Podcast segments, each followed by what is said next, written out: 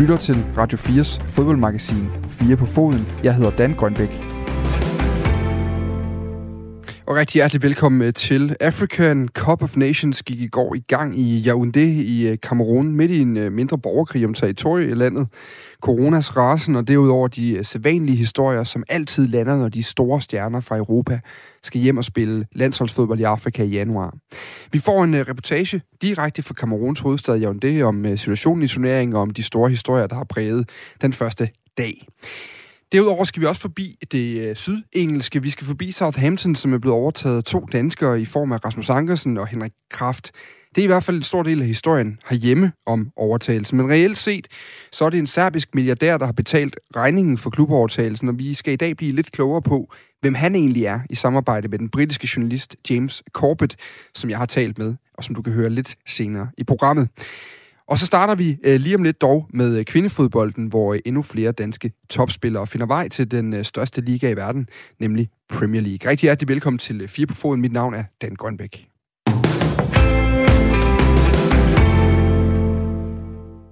At den engelske Premier League for herrer er den største nationale fodboldliga i verden, hvad angår eksponering og økonomi osv., det, det kan der nok ikke herske den store tvivl om efterhånden. Men den bedste engelske kvindeliga har i mange år haltet efter på, øh, på landskala i England. Nu ser der så i midlertid ud til at ske noget inden for de seneste år, for både det engelske øh, forbund og de store engelske Premier League-klubber, som vi kender dem fra herrefodbolden, de er begyndt at satse på at prioritere kvindefodbolden langt højere. Vi har blandt andet set det ved, at det lykkedes ligaen at hente vores egen Pernille Harder til i en rekordtransfer sidste år. Og Harder, hun får nu selskab af flere og flere landsmænd alene i løbet af den seneste måneds tid. Der er landsholdsveteranen Sand Trolsgaard skiftet til Reading, og i sidste uge hentede West Ham så det store talent og topscoreren i kvindeligaen Emma Snærle. Nu har øh, Danmark følgende syv spillere i den øh, engelske Women's Super League, som den hedder. Det er Emma Snærle, der spiller i West Ham, og Sand Trolsgaard, der spiller i Reading, som vi lige var inde på før. Så er det Pernille Harder i Chelsea, Rikke Sevike i Everton, Nikolaj, Nicoline Sørensen i Everton også, og så Simone Bøje Sørensen i Arsenal, samt Cecilie Sandvej i Birmingham. Sanne Troelsgaard, hun spillede jo i forvejen i udlandet, mens Emma Snærle, hun skifter direkte fra Fortuna Jøring og Danmark til England. Og det betyder altså også, at den danske landstræner Lars Søndergaard, han har færre og færre landsholdsaktuelle spillere fra den hjemlige liga. I april sidste år, der lavede Spillerforeningen en opgørelse, der viste, at flere og flere kvindelige fodboldspillere skifter væk fra den danske liga til udlandet. I 2011, der var der kun 8 danske spillere i udlandet, og i april i år, der var tallet så op på 41, et tal, der kun ser ud til at stige. Pænt goddag til dig, Lars Søndergaard. Tak for det landstræner, som jeg jo øh, lige øh, nævnte før. Jeg kunne egentlig godt tænke mig at starte med at spørge dig om, Lars Søndergaard, gør det egentlig dit, øh, dit job nemmere eller sværere, at, at øh, flere og flere skifter til, til udlandet? Ja, både og. Både og. Altså, øh, det gør det jo øh, sværere, øh, i og med, at jeg ikke bare kan øh, tage ud på de forskellige stadions her i Danmark og, og se øh, kvindeliga-fodbold, og så på den måde se alle spillerne på én gang. Altså, øh, det er blevet sværere i og med, at jeg skal øh, følge med i forskellige ligaer, forskellige hold. Så øh, det har det gjort desværre, men det er jo også øh, et eller andet sted jo også dejligt at, at, at se andre fodboldkulturer øh, af og til besøge andre lande, men i, det, i, i hvert fald at, at, at lære forskellige ligaer at kende, det synes jeg, det er, det, det er en af de spændende ting ved, ved mit job.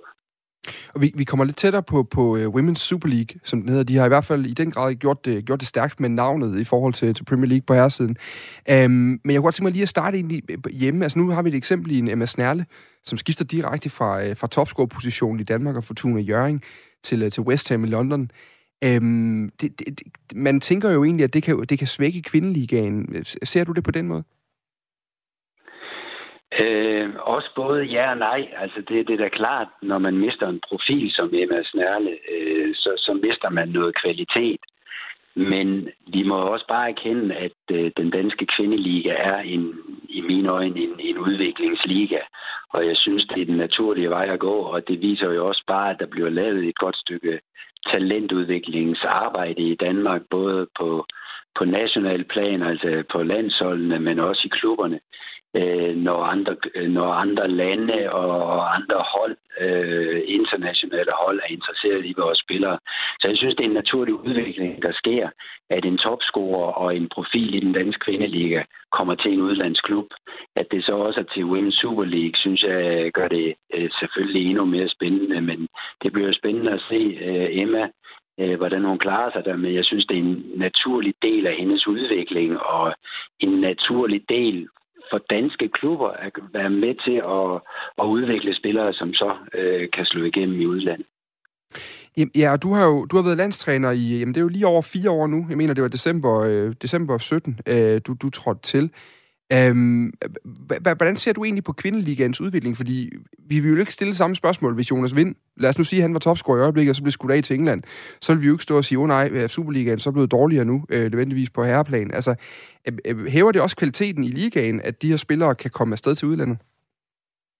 Jamen, der kommer jo et øget fokus på det, og jeg håber selvfølgelig også, at at klubberne får lidt, lidt ud af deres anstrengelser i forhold til talentudvikling, så de får lidt, øh, lidt penge med. Det er ikke alle, der gør endnu, men man kan håbe på, at der kommer en, en, en, en kompensation også, når, når spillernes kontrakter de udløber. De også får en kompensation ved at måtte afgive spillere, eller i hvert fald være med til at udvikle spillerne. Mm. Øh, men, men jeg ser det jo kun Altså, jeg ser, som, som jeg siger, så ser jeg den danske liga øh, som en udviklingsliga, og jeg synes, der bliver leveret et rigtig, rigtig godt stykke talentudviklingsarbejde i Danmark. Og det vil sige, at de spillere, der forlader, de bliver jo erstattet af nye. Hvis ikke øh, der var spillere, der forladt for Tune Jørgen, så er det ikke sikkert, at Emma Snærle havde fået sin debut i en meget tidlig alder, som jeg tror, mener hun kun var 16 år, da hun debuterede. Mm. Og det vil sige, at hun jo allerede har haft en 4-5 år i, i ligaen. Og øh, de seneste år er hun måske også noget øh, dertil, hvor hun banker mod loftet, altså hvor hun ikke spiller ret meget op af. Måske skal hun ikke anstrenge sig 100% mere. Det skal hun, øh, når hun kommer til en ny klub. Så øh, jeg, jeg ser øh, i øjeblikket, at vores liga er relativt sund. Øh, vi får mange talenter, øh, der spiller øh, på, på holdene.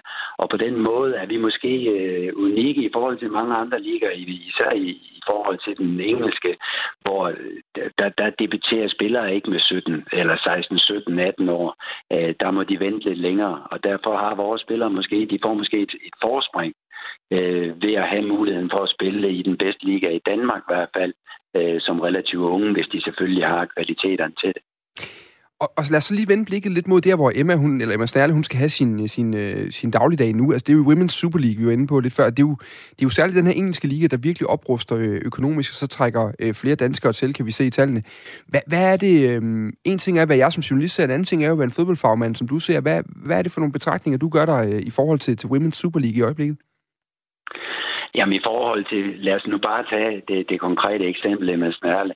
Hun kommer til en, en klub, West Ham United, der ligesom alle de andre øh, Premier League-klubber, der satser på, på, på, på kvindedelen, jamen de satser øh, 100 procent, at det er et fantastisk træningsmiljø, spillerne kommer ind i, fantastiske faciliteter, dygtig stab, øh, hvor, hvor de faktisk har alt, hvad der skal til for at kan udvikle sig som spiller. Der er analytikere, der er fysiske trænere, der er fysioterapeuter, der er sågar også diætister, etc.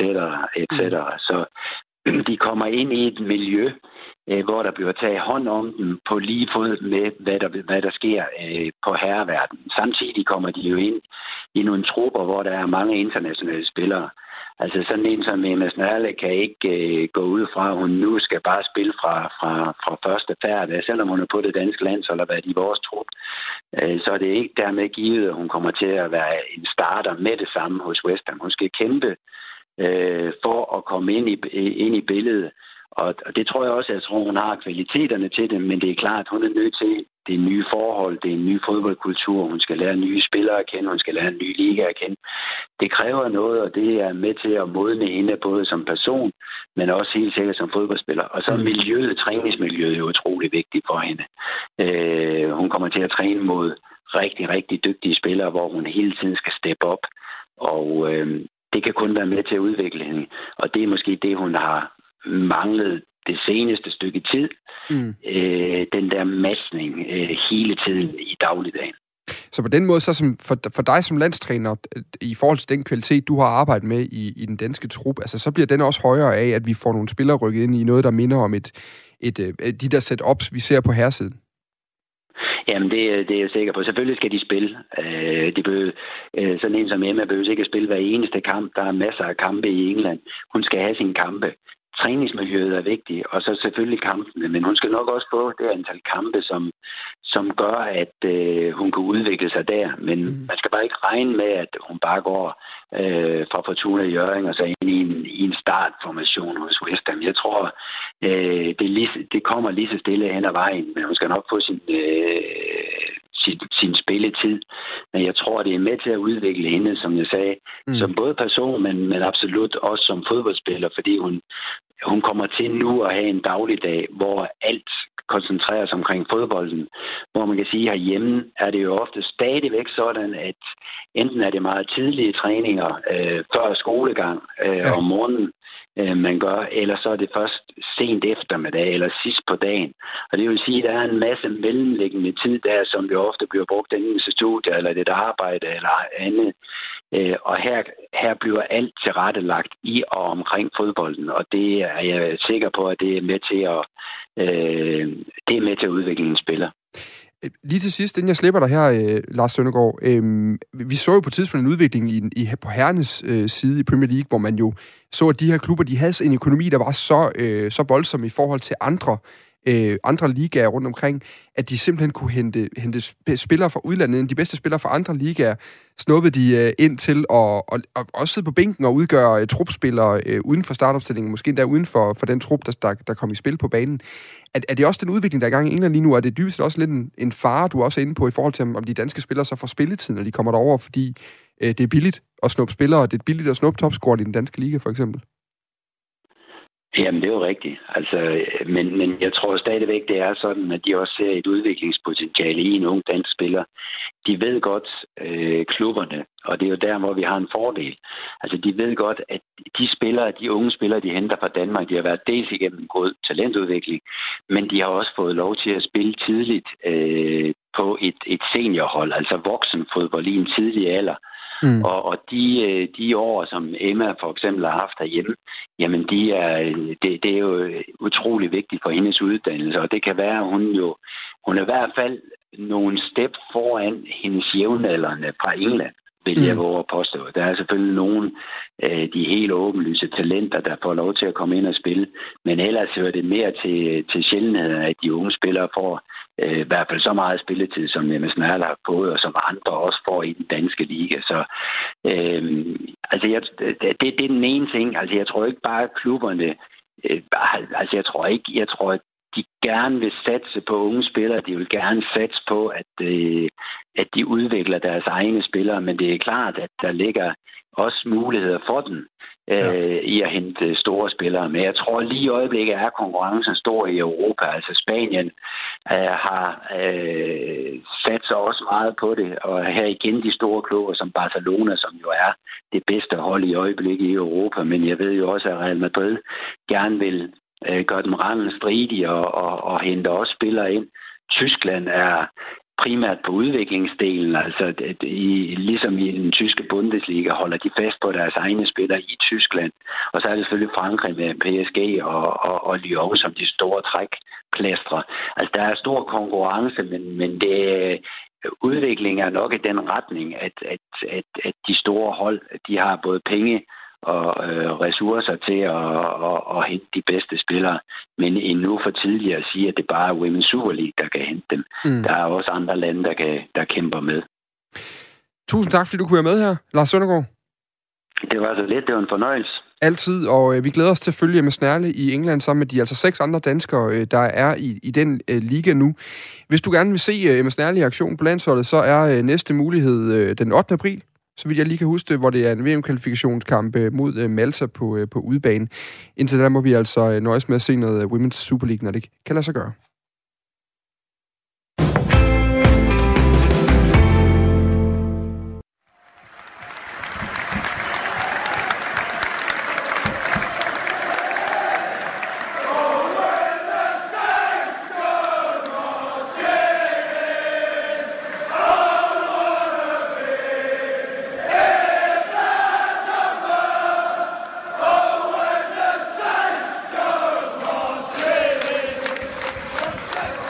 Det er den øh, 8. Juli 2009, jeg tager dig med tilbage til øh, nu. Ifølge de øh, engelske vejrmyndigheder, der var det en relativt kølig julidag på Englands sydlige kyst. Og hvis du mest af alt ser Stoke eller Sheffields gråtonede England for dig, når du tænker Premier League, så tro om. Southampton, det ligger i en del af landet, hvor vejret minder noget mere om Frankrig end Nordengland. Der er palmer i nogle af haverne sågar. Men øh, nok om øh, vejret nu. Den lokale fodboldklub Southampton FC er på det tidspunkt på randen af konkurs. Klubben ligger i den øh, næstbedste række og startede sæsonen med et stort pointminus på kontoen, fordi den i dag, den 8. juli 2009, har været i administration i næsten 100 dage på grund af en redsom økonomisk situation. Men dagen ender godt, for den relativt ukendte svejtiske rigmand Markus Liebherr, han dukker op, og på mindre end to timer har han forhandlet et køb på plads. Eftertiden har fastsat prisen på omkring 14 millioner pund. Liebherr selv konstaterede tørt i en artikel på det tidspunkt, at handlen var en snaption, et røverkøb. Spol så cirka 12,5 år frem, og den selv samme fodboldklub bliver solgt til to danskere og en serber, for mindre end hvad den dyreste fodboldspiller handlede i England i år er solgt for. Stadigvæk et beløb, der dog er 6-7 gange større, end hvad Liebherr i sin tid gav for Southampton FC.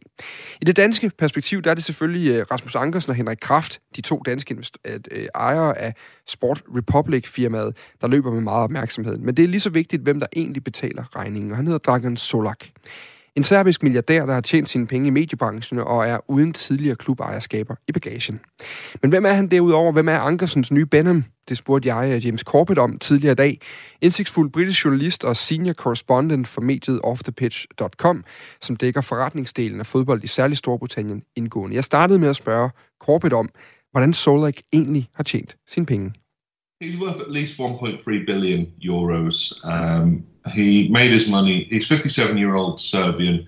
He's a Maltese citizen um, and a Swiss resident, which I think is, is, is, is possibly a reflection of some of the turmoil um, within Serbia over the last three decades. Um, you know, it wouldn't be that unusual for a leading businessman to have to have um, you know a, a, a different residency. Um, he, he's but Solok is is probably the, the richest Serbian. Um, he made his money um, in telecoms and media. Um, he owns a number of newspapers and TV channels throughout the Balkans. Um, he was one of the earliest um, people to bring in foreign investment into Serbia after the fall of Slobodan Milosevic in 2000, um, and sort of brought in a broadband network within Serbia um, at the time, which he's which he's built up, and he's also bought holdings in telecoms throughout Southeast Europe um, through his through his company, um, the United Group. Um, he his his TV stations and newspapers have a reputation for um, you know, speaking their mind. There's a lot of government control and government backing of media um, within the region, but not his. Um, and as a consequence of him of him supporting free media, he's he's been targeted by government-backed media who have um, smeared him, for, for, for, want of a better word, over the last ten or fifteen years, um, and made various allegations which haven't haven't necessarily stood up um, about some of his business practices. Men der er altså ikke tegn på erfaring fra fodboldindustrien i Solaks forretnings-CV, fortæller Corbett. Det tætteste, man kommer, det er, at en af hans medievirksomheder faktisk har haft rettighederne til at vise Premier League i Serbien. He owns a sport network called Sport Club, um, which which broadcasts throughout Southeast Europe, and it previously held the Premier League rights, um, certainly within Serbia. And the government are backing um, their own telecom company to sort of challenge challenge his um, by by you know having their own TV stations and so on. And the Premier League TV rights became um, a bidding war between them. Um, it was seen as a as a key to maybe ousting Sport Club, and the government um, backed telephone company ended up paying nine times as much as Solix company had done for the previous round. Uh, I, think, I, think, they paid 900 million euros over six years, which for a company with a, an annual turnover of just over a billion euros is you know an absolutely extraordinary amount to spend on TV rights. Um, but it, it, it, it kind of shows the extent to to which the government in Serbia has, has, has tried to challenge him and his media empire. How how about his football interest? Do we know anything uh, about that other than he's uh, he's run a TV company who, had the rights to show uh, Premier League matches in, in Serbia?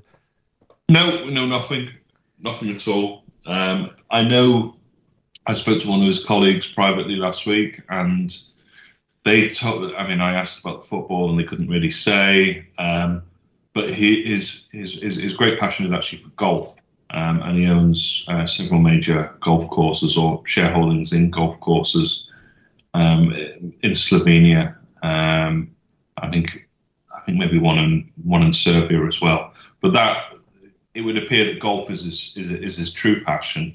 But about football, we don't know anything other than what's been put out in the statement by Southampton last week. Og øh, hvad kan man sige, det interessante er jo så med ham her Solak, at når man skal kigge nærmere på, hvad er det egentlig, han kommer fra, så kan man sige, at hans konkurrenceforhold med statsmedierne i Serbien, de gør det relativt svært at finde ud af, hvad der er op og ned med ham egentlig, når man kigger på mediedækningen, fortæller Corbett mig. Men Corbett fortæller også, at der er interessante ting at finde i tidligere interviews og portrætter af den her serbiske rigmand, omkring øh, både det politiske, men også hvad han egentlig har øh, beskæftiget sig med i hans hjemland. Yeah, I mean, I, I looked at quite a lot of um, media in the Balkans and, and business magazine profiles and trying to figure out what was a hatchet job and what wasn't uh, was was was was quite challenging. One aspect I, I found particularly um, interesting was the fact that he he is said to have helped um, the opposition to Slobodan Milosevic um, in, in in Serbia in the late nineties and I think it would be fascinating to find out a little bit more about that. Um, that was just a throwaway line in a in a in a magazine profile about him. Mm. Um, generally speaking, I mean, I spoke to foreign journalists who've worked in Serbia about the the situation with the media, and you know, generally his, um, his, his TV stations and newspapers operate in a in a very niche corner of the market. Um, but they're you know they're well regarded by by overseas correspondents. You know, he doesn't have a reputation for meddling uh, with the editorial decisions often, which I think, I mean, you know, reflects quite well on him in what is a highly politicized part of the world. Um, as indeed we've seen again over the last week with all the response to the to the Novak Djokovic um, situation in Australia. Han fortæller blandt andet her, at øh, han har set nogen antydninger af, at Solak havde en del at gøre med oppositionen til den øh, nu dømte tidligere leder i Serbien, øh, Slobodan Milosevic, dengang. Men at det derudover også kan, kan være lidt svært at finde ud af, hvad der er op og ned, og hvor mange af de her artikler, der er om Solak, der egentlig er ægte, og hvor mange der ligesom er en eller anden form for hack jobs, han kalder det, altså hatchet jobs, altså øksejob, at det på en eller anden måde er, er små karaktermor, man forsøger at lave på politiske modstandere. Hvad der til gengæld er sikkert, det er jo faktisk, at øh, Solak, Ankersen, Kraft, de har fået sig en helt og aldeles traditionsfyldt britisk fodboldklub med en skarp ungdomsafdeling og med en næsten fast garanteret plads i Premier League. Well, they've been regulars in the top flight for um, most of the last 50, 55 years, I think. Um, I think. I think they played in the top flight for about 47 of those seasons. They had a spell where they they almost went out of business about 15 years ago and they dropped down to League One. But you know they're a well-run club. Um, they have, as, as as we talked about before we started recording, they've got a great youth academy. You know they they created the world's most expensive player as of as of eight or nine years ago in in, in Gareth Bale and a litany of, um, of, of of talented youngsters who've gone on to play for the home nations. Um, you know, Luke Shaw would be one of them. James Ward-Prowse is another one. Um, Morgan Schneiderlin, who was a French international, was another. Um, so you know they've they've they've always produced these players, but they've perhaps struggled to keep hold of them. Um, they, you know they've gone on to bigger clubs, but within their own right, you know they they they have a good stadium, they have a new state or a newish stadium now um, that they fill every week with 30,000. You know, they're stable. Um, they have a, a, a, a, talented manager in uh, Ralph Hassenthal. Um, they have some good players, but they've been underinvested in over the last four or five years, um, and perhaps that might now now change. Will they have a challenge for the Premier League title? Probably not. Um, but you know they have the uh, the setup where perhaps they should be challenging for Europe on a more regular basis. I think they last qualified uh, the Europa League about six years ago. Um, but you know it's a it's a good setup that they come into. Um, it's probably a better setup for Rasmus Ankerson than Midtjylland or Brentford, for example, and he, and he did very, very well there. So, you know, that will be an intriguing um, subplot, I suppose, of, of, of this takeover. You know, what these guys can do to, to move Southampton forward. Og det er ikke en øh, klub i Southampton, hvor tilhængerne på den måde er uvant med, at der tales øh, fremmedsprog på, øh, på, øh, på, på gangen, hvor direktørerne og ejerne befinder sig. De sidste fire år, der har klubben været under kinesisk ejerskab, og før det var klubben ejet og drevet af familien til den her svejtiske rigmand Markus Liebherr, jeg nævnte i min intro. Han overtog nu, som sagt, et Southampton i 2009, som var tæt på at gå konkurs. Well, Marcus Lieber took over the club in 2009 after the club had um, had had been in trouble. It had, it had been re- relegated to League League One and then the Championship, and then it came back up. Uh, and Lieber bought the bought the club um, from a very very wealthy Swiss Swiss German background, and unfortunately passed away about 15 months later. He was only I think 62, and he had a heart attack and uh, died very unexpectedly. His daughter Catherine um, took it over after that. And you know, Southampton re-established themselves um, back as a Premier League force and qualified for Europe in that period. Uh, perhaps it didn't have the same energy that her father might have brought to it. I don't know. And and, and she sold it to um, she sold eighty percent of her stock to uh, a Chinese Chinese ownership group in 2017. Now they haven't put any money into the club. Uh, there's been liquidity problems from Chinese investors, not just in football, but across all sorts of in- industries or non essential industries in Europe. Uh, the, pro- the, problems haven't been as pronounced at Southampton as they have at, say, Inter Milan, where um, you know there was Inter were basically unable to to pay wages for a large part of last season because of because uh, the Chinese government had uh, prevented flow of revenue from China to, to Europe at that time. Um, and now and, and now Southampton's Chinese owners have have, have moved on. Uh, the club was perhaps in a state of stasis, um, but you know Southampton and its supporters can now can now look forward again. Og det han fortæller her altså i korte træk, at Southamptons fans nu på den måde kan se frem igen efter en periode, hvor de kinesiske ejerskab ikke har kunnet investere yderligere i, gruppen, øh, i klubben på grund af, af, af, af et investeringsstop i det hele taget fra Kina af. Og, øh, og på den måde, øh, så er det altså nu med Ankersen med kraftig front, og så med, øh, med Dragan Solak stående som pengemand lige bagved, at man kan, øh, kan kigge frem mod en, en ny fremtid. Hvis du gerne vil vide mere, så vil jeg rigtig gerne fortælle dig det, men der er simpelthen ikke muligheder for det øh, lige nu, fordi vi har ikke, der har ikke været en pressekonference endnu. Vi har ikke haft mulighed for at få et interview med Rasmus Ankersen, som vi har forsøgt at, øh, at kontakte i den forgangne øh, uge. Men jeg lover, at lige så snart øh, vi får held til det, så er der hul igennem, og så får du det at høre øh, i øh, radioen.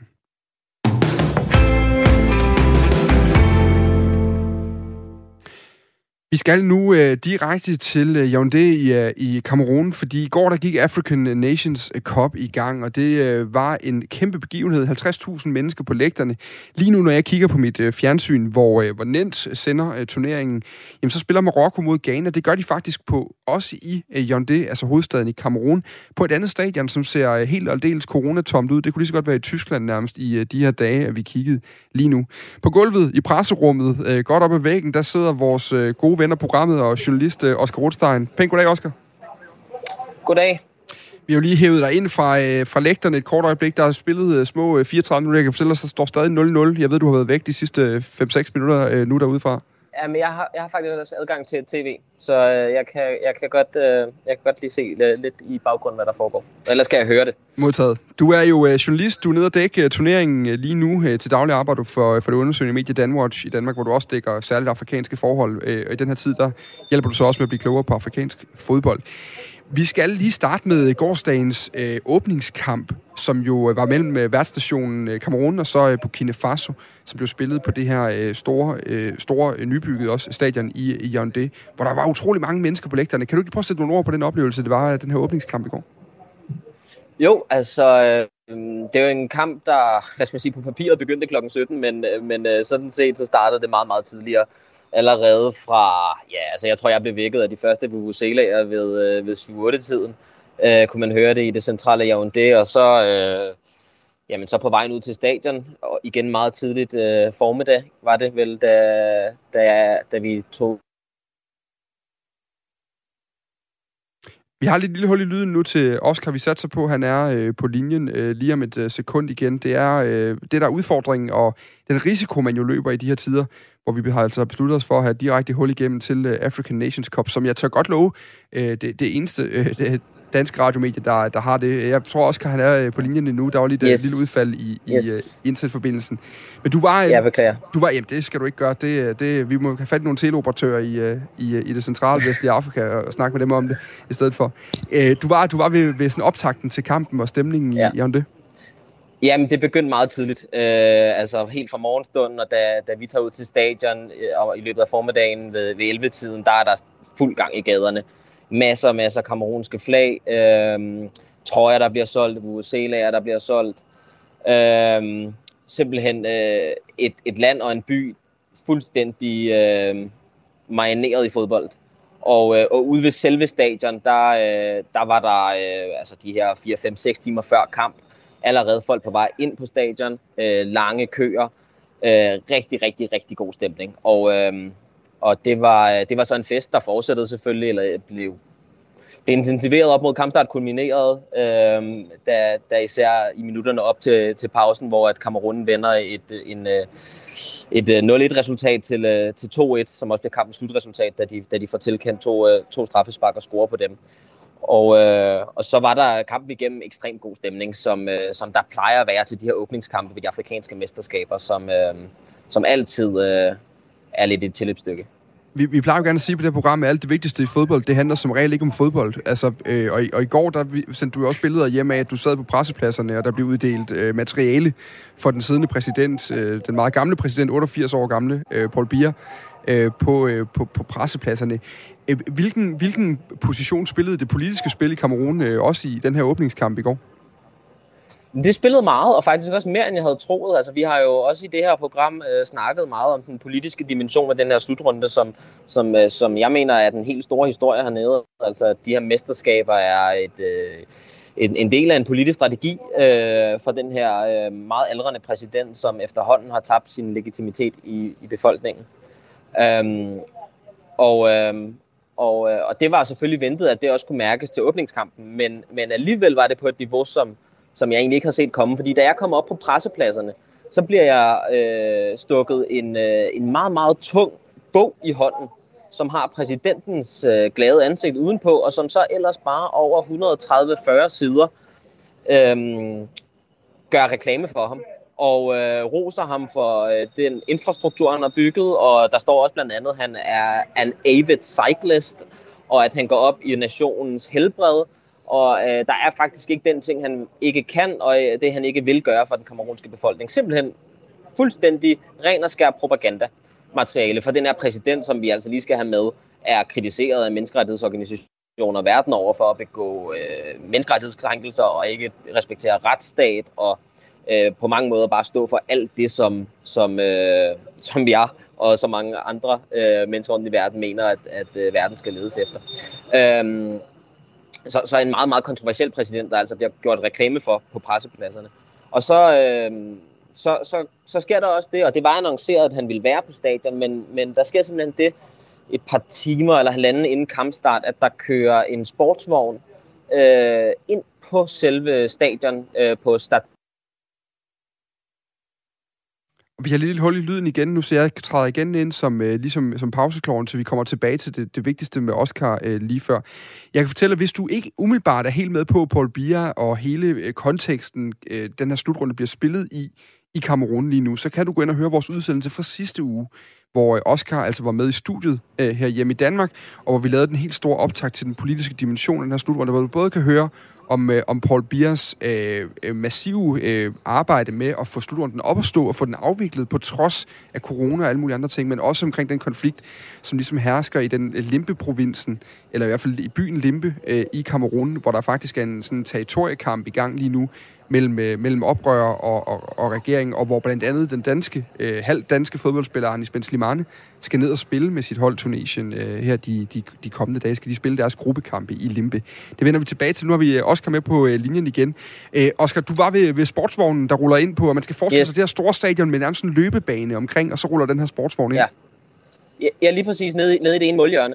Og, øh, og der så øh, træder præsidenten og hans øh, kone Chantal Bidja, som er meget nem at genkende. Hun er kendt for sit meget, meget store øh, røde hår. Og de øh, vinker ud til øh, publikum og øh, bliver modtaget med, med hvad jeg vurderer som øh, stor glæde. Altså øh, massiv øh, øh, jubel egentlig fra, fra de her cirka 50.000 mennesker, der var på, på stedet på stadion. Og så stiger de ind i bilen igen, og øh, så bliver der åbnet for sådan en kalesjen, og så stikker de øh, ellers øh, hovederne op fra den her sportsvogn, og så tager de sådan en æresrunde øh, rundt på stadion. Øh, og, øh, og kører, kører så ud igen.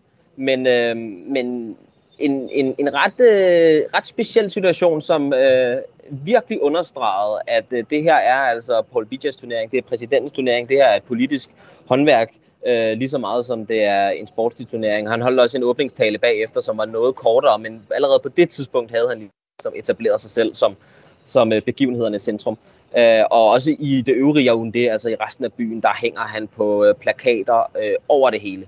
Og, øh, og, og gør alt, hvad han kan for at lade sig associere med øh, det kamerunske landshold og turneringen, som i de lokales øjne er, øh, er meget velkommen og populær. Altså Kamerun er et, øh, et, et meget fodboldgalt land, og alle man snakker med hernede, øh, fans, øh, taxachauffører, øh, tjenere, andre journalister er meget, meget begejstrede for, at, at, at, at AFCON endelig er kommet til Kamerun. Det har været længe undervejs med, med den oprindelige tildeling helt tilbage i 2014, og så to, to øh, aflysninger. Men nu, nu er den her, mm. og det er kamerunerne glade for, og det er præsidenten i den grad også. Og så man de her billeder i går, så var det altså et propfyldt øh, stadion øh, Olympe, øh, det, det, det, eller Olympe, øh, det blev spillet på. Og i dag, der er det så, når vi står og kigger op øh, på, på tv-skærmen, eller når du kigger ud øh, lige om lidt, når du kommer ud af det her øh, hvide presserum, du sidder i lige nu, mm. jamen så, øh, så er det altså Marokko-Ghana, der bliver spillet på det lidt mindre start øh, Amadou Ahidjo, Ahidjo, øh, som også yes. ligger i Yaoundé, øh, som er en lille smule mindre, øh, som også blev renoveret stort forud for, for det første bud på, øh, på African Nations Cup, mener det 2016, jeg har læst mig frem til. Ja. Men, men der er stort set ingen mennesker på tilskuerrækkerne, når jeg kigger op. Det ligner meget mere et europæisk fodboldstadion i Tyskland eller ja. andre steder under coronaepidemien. Ja. Den her, den her kamp i går, altså, øh, og coronasituationen i det hele taget, hvorfor ja. var der så mange mennesker i går, og der er ikke nogen mennesker i dag? Jamen altså, det handler selvfølgelig om, at Cameroon øh, var spillet i åbningskampen. Det gør de ikke her. Øhm, og, øh, og der vil altid til alle slutrunder, tænker jeg, være større interesse for åbningskampen, end for, hvor, hvor hjemmenationen spiller, end for, for øh, de resterende gruppekampe. Men det er bemærkelsesværdigt, og det er forbløffende, fordi vi har at gøre med Marokko Ghana. Det er altså to øh, det er to outsider, Marokko, og måske endda en af favoritterne øh, til, til titlen. Det er gruppespillet måske sportsligt mest i mødesete kamp. Øh, det, øh, det, burde være, det burde være anderledes. At der burde være flere end de her 500 eller 1000 mennesker, der måske kommer nu efterhånden. Jeg ved ikke, hvis man sidder og ser det derhjemme eller har det kørende i baggrunden, så kan man, så kan man, øh, så skal man vide, at, øh, at, at de mennesker, der er på stadion, øh, du kan ikke bare regne, regne hvad skal man sige, øh, øh, en tilskuer, du ser på, på, på sæderne for en reel tilskuer, fordi de fleste, der sidder rundt omkring på stadion, er frivillige, som ikke rigtig har nogen fans at tage sig af øh, eller, øh, eller øh, frivillige her i mediecentret, hvor der er cirka tre frivillige per journalist. Øh, så, øh, så det er virkelig et tomt stadion. Jeg tror, at forklaringerne er mange. Altså, der er nogle øh, praktiske, sådan lavpraktiske udfordringer, som blandt andet handler om corona, altså at man skal øh, testes, man skal vaccineres for at komme på stadion. Reglerne er lidt uigennemskuelige. Jeg har lidt fornemmelsen af, at de regler, der galte på Olympe i går, ikke gælder helt her. For eksempel så var de coronakrav, vi journalister blev mødt med nogle andre i dag, end dem vi blev mødt med i går. Øhm, så er der måske noget med billetpriserne, kunne man forestille sig, øh, uden at jeg har øh, undersøgt nærmere om, hvad de rent faktisk koster.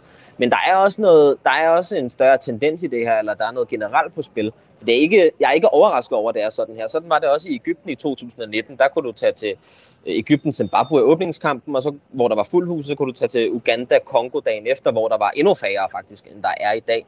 Og det er udtryk for en særlig afrikansk fodboldkultur, vil jeg sige, fordi de afrikanske nationer og de afrikanske fodboldfans er vanvittigt passionerede, og de elsker sporten, men deres interesse er meget partikulær, hvis man kan sige det sådan. Den er bundet op på et land mm. eller et hold.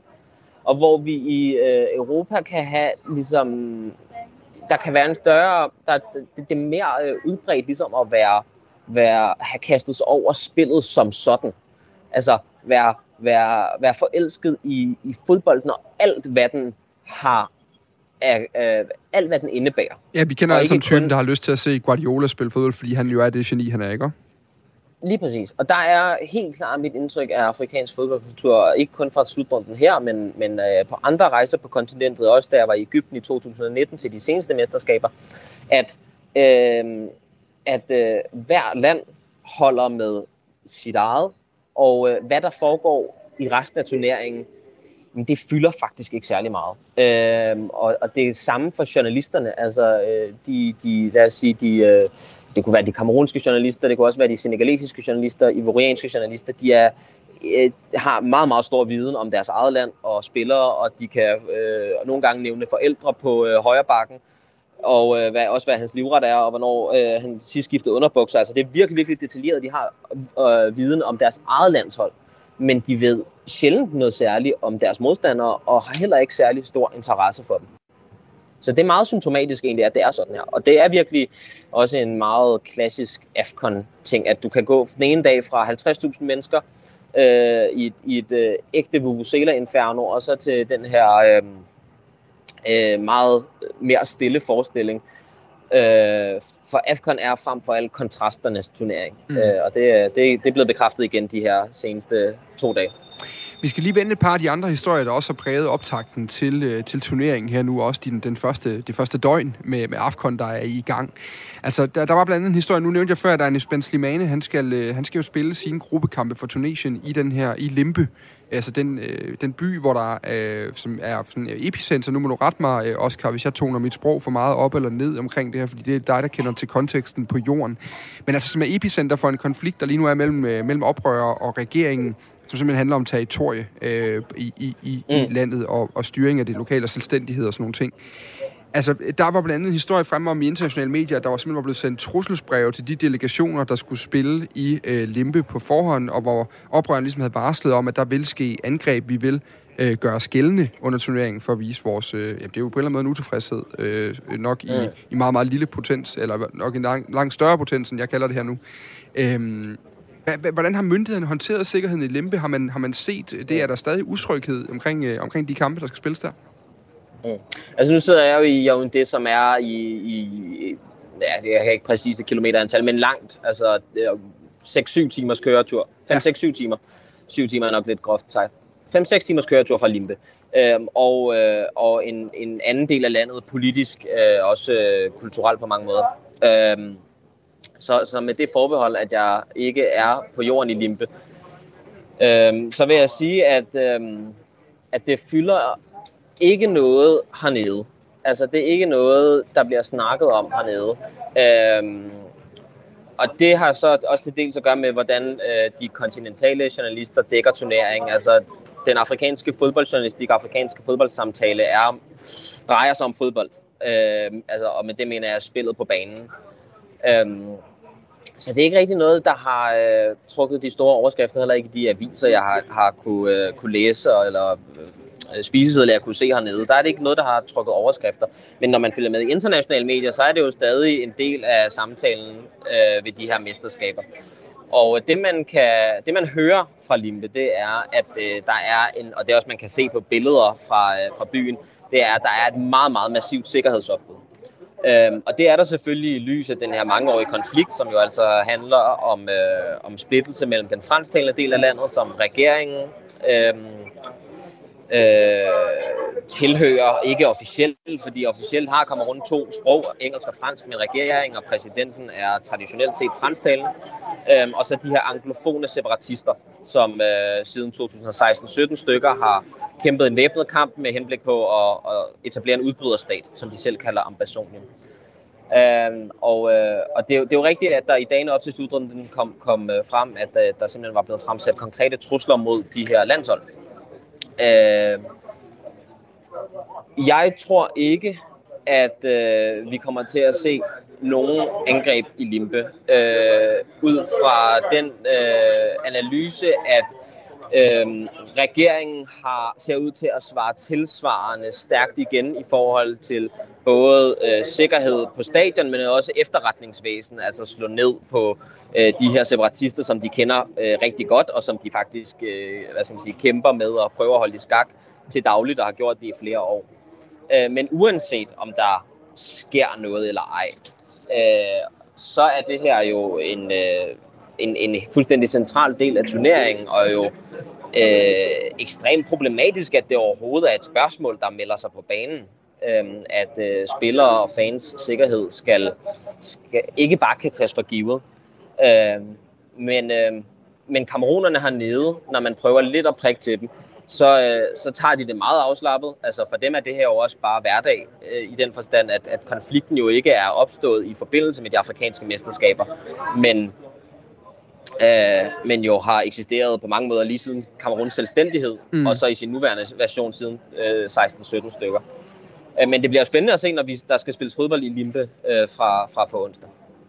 Til sidst her, så vil, nu siger jeg til sidst, vi har heldigvis nogle minutter endnu, men, øh, men der har også været andre historier, der har præget øh, op til, altså blandt andet så det, det gabonesiske landshold, blandt andet med den store Arsenal-stjerne øh, Pierre-Emerick Aubameyang øh, med som, øh, som, som en central stjerne på, på det hold og på det mandskab de har været præget af, af, af nogle her dårlige historier op til slutrunden.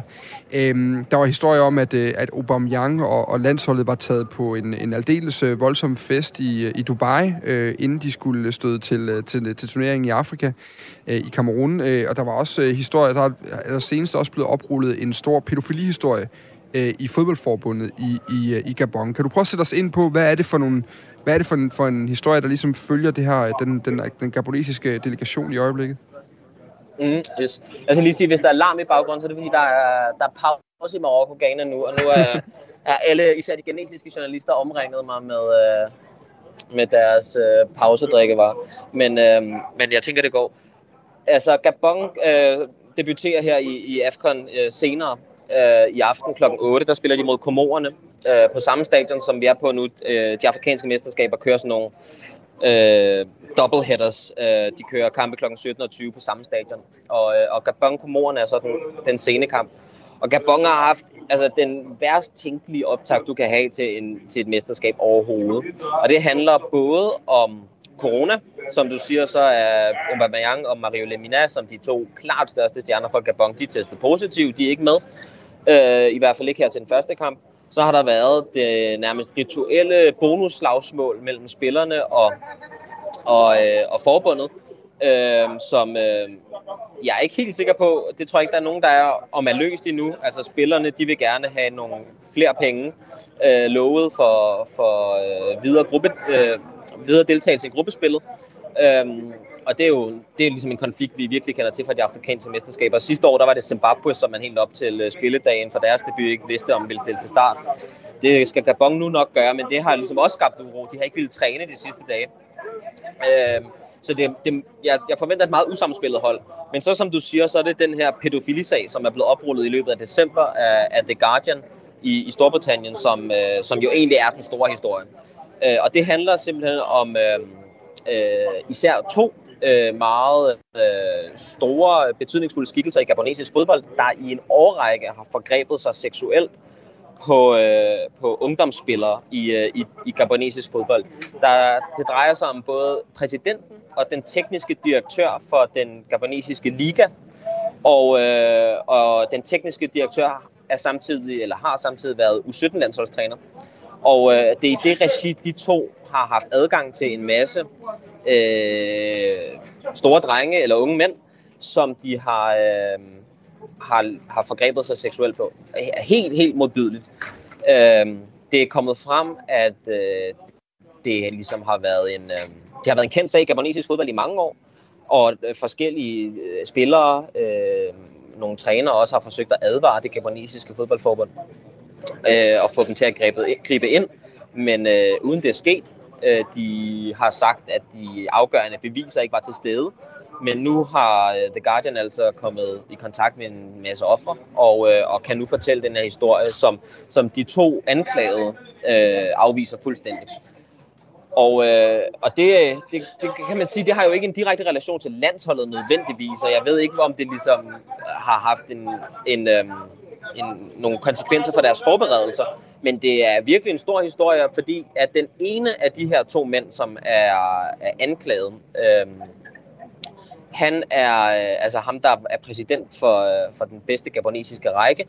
Han er også det gabonesiske landsholds holdleder. Så han er med her i Kamerun og sidder på bænken i aften mod komorerne. Han hedder Serge Mombo. Og ja, der har vi altså at gøre med en mand, som, øh, som er anklaget for systematisk seksuel udnyttelse af mindreårige drenge øh, og udnyttelse af sin magtposition i, ganesisk, øh, i gabonesisk fodbold. Øh, og det synes jeg, er, det er helt vanvittigt at tænke på. For det første, at det kan ske, og for det andet, at, at øh, Gabon er rejst hertil med en af de her øh, mænd, som, øh, som øh, efter alt at dømme ser, ser frem til, til, øh, til hårde fængselsdomme. Og hvordan, hvordan er reaktionen egentlig på en historie som den, kunne man jo lige spørge her de sidste par minutter. Altså, hvad, hvad er det, hvordan, hvordan reagerer det omkringliggende samfund på de historier? Får det lov til at fylde under en turnering som, som AFCON lige nu? Fordi man forestiller sig jo, at en lignende historie rullet op i forbindelse med et EM eller med en Champions League sågar, så vil det overtage en masse af mediedækningen. Jamen, det gør det ikke. Og det er lidt, lidt som jeg sagde før, altså den, og det er slet ikke, det er ikke en kritik af, af afrikanske fodboldjournalister. Øh, det er mere bare en, øh, en, en øh, pointen er mere bare, at, øh, at øh, det er en anden måde at, at gå til stoffet på simpelthen. Øh, fordi det handler om fodbold for dem. Mm. Og, øh, og det handler om, øh, om nummer 10 eller nummer 9 skal starte inden, og øh, om det skal hedde 4-4-2 eller 4-3-3. Altså det er meget, meget fokuseret på spillet på banen, og hverken den politiske situation her i Kamerun, eller sådan noget her, som det gabonesiske, ja, den er øh, pædofilisag i, i gabonesisk fodbold, synes jeg fylder særlig meget hernede. Øh, men det skal man jo også huske på, bare fordi man ikke snakker, og det, det er sådan en generel pointe, synes jeg, der går tilbage til det, vi snakkede om med Paul Bier, bare fordi man ikke snakker om politik, og bare fordi det politiske ikke fylder noget, betyder det jo ikke, at der ikke er noget politik i det. Tværtimod, så kan det her med at, at holde det politiske ude af samtalen jo være øh, en politisk strategi i sig selv. Altså, øh, Paul Bier og, øh, og det gabonesiske fodboldforbund, de vil jo super gerne have, at fokus bliver rettet ind på banen, mm. og man glemmer alt det, der foregår udenom. Og det er jo så ikke bare fordi, at de ikke øh, synes, det politiske er vigtigt. Det er jo Tværtimod fordi, at de ser en politisk fordel ved at rette alle kræfter og al fokus ind på banen, og ikke dvæle ved øh, udenomshistorierne. Så, øh, så jeg synes ikke, man kan måle hverken den her Gabon-sag eller det politiske i Kamerun. Man kan ikke måle, hvor store historierne er hernede på, hvor meget der bliver snakket og skrevet om dem. Fordi det, at der ikke bliver snakket og skrevet om dem, vil jeg mene, er, er ligesom en del af, af, af politikken i sig selv, hvis man kan sige det sådan. Sidst men ikke mindst, øh, lige kort, vi har lige 30 sekunder tilbage, 40 sekunder, øh, Oscar, øh, og nu kan vi mærke, der er også øh, god larm på inde i øh, presserummet derinde nu. Det, jeg ved ikke, om det folk er på vej ud stille og roligt mod pladserne igen, inden anden halvleg går i gang. Øh, er der noget, der har ændret sig? Nu har du komorerne i aften, det er et helt nyt bekendtskab. Vi har Ghana i kamp lige nu, vi havde Cameroon i kamp i går. Øh, og så øh, i takt nu de næste par dage, der kommer de store nationer jo i kamp. Øh, er der noget, der ændrer sig i favoritværdigheden? Hvor er vi henne på, øh, på Oscars øh, power ranking, hvis vi skal arbejde med den? Altså, altså jeg, jeg, har sagde jo, jeg har jo godt også i Senegal, og de vandt altså kun 1-0 over et ikke særlig imponerende... På et meget sent straffespark endda. På et straffespark i... Jeg så det ikke, men jeg kunne læse, det var et, et straffespark i 97 minut. Øh, og det jeg lige hørte fra nogle folk, der havde siddet og set kampen i preslokalet, det var, at det, det, det slet ikke var imponerende. Øh, de afrikanske mesterskaber og alle mulige andre store slutrunder, der, der er det sjældent, at vinderholdet spiller særlig godt i de første kampe, så det er ikke fordi, at øh, man skal male fanden på væggen, men det, det, øh, det, det var lidt skuffende. Øh, så, øh, men jeg holder fast. Jeg holder fast. Jeg tror stadig, jeg tror faktisk, vi kommer til at se en gentagelse fra 2019, og vi har Senegal altså Algeriet i finalen igen, når vi når til den 6. februar. Det holder vi fast i. Næste uge, der kan du glæde dig til at få øh, endnu en rapport fra øh, Oscar, om det bliver øh, optaget, eller om det bliver live i studiet, for der er du jo formodentlig vendt hjem. Nu må vi lige se, hvad der kan lade sig gøre på næste mandag. Men du kan i hvert fald få det nyeste nye fra Afcon fra Oscar Rothstein, der lige nu skal ud på tilskuerækkerne igen og se anden halvleg af, af Marokko-Ghana på, på, på stadion i Yaoundé. Tak for rapporten dernede fra Oscar. Selv tak. Her i Fire på Foden, der dribler vi videre hen over en omgang nyheder lige om to sekunder, og øh, i anden time skal vi kigge tilbage på øh, en af de helt store i øh, sportsjournalistikken, der forlod os i weekenden, nemlig den britiske journalist Andrew Jennings.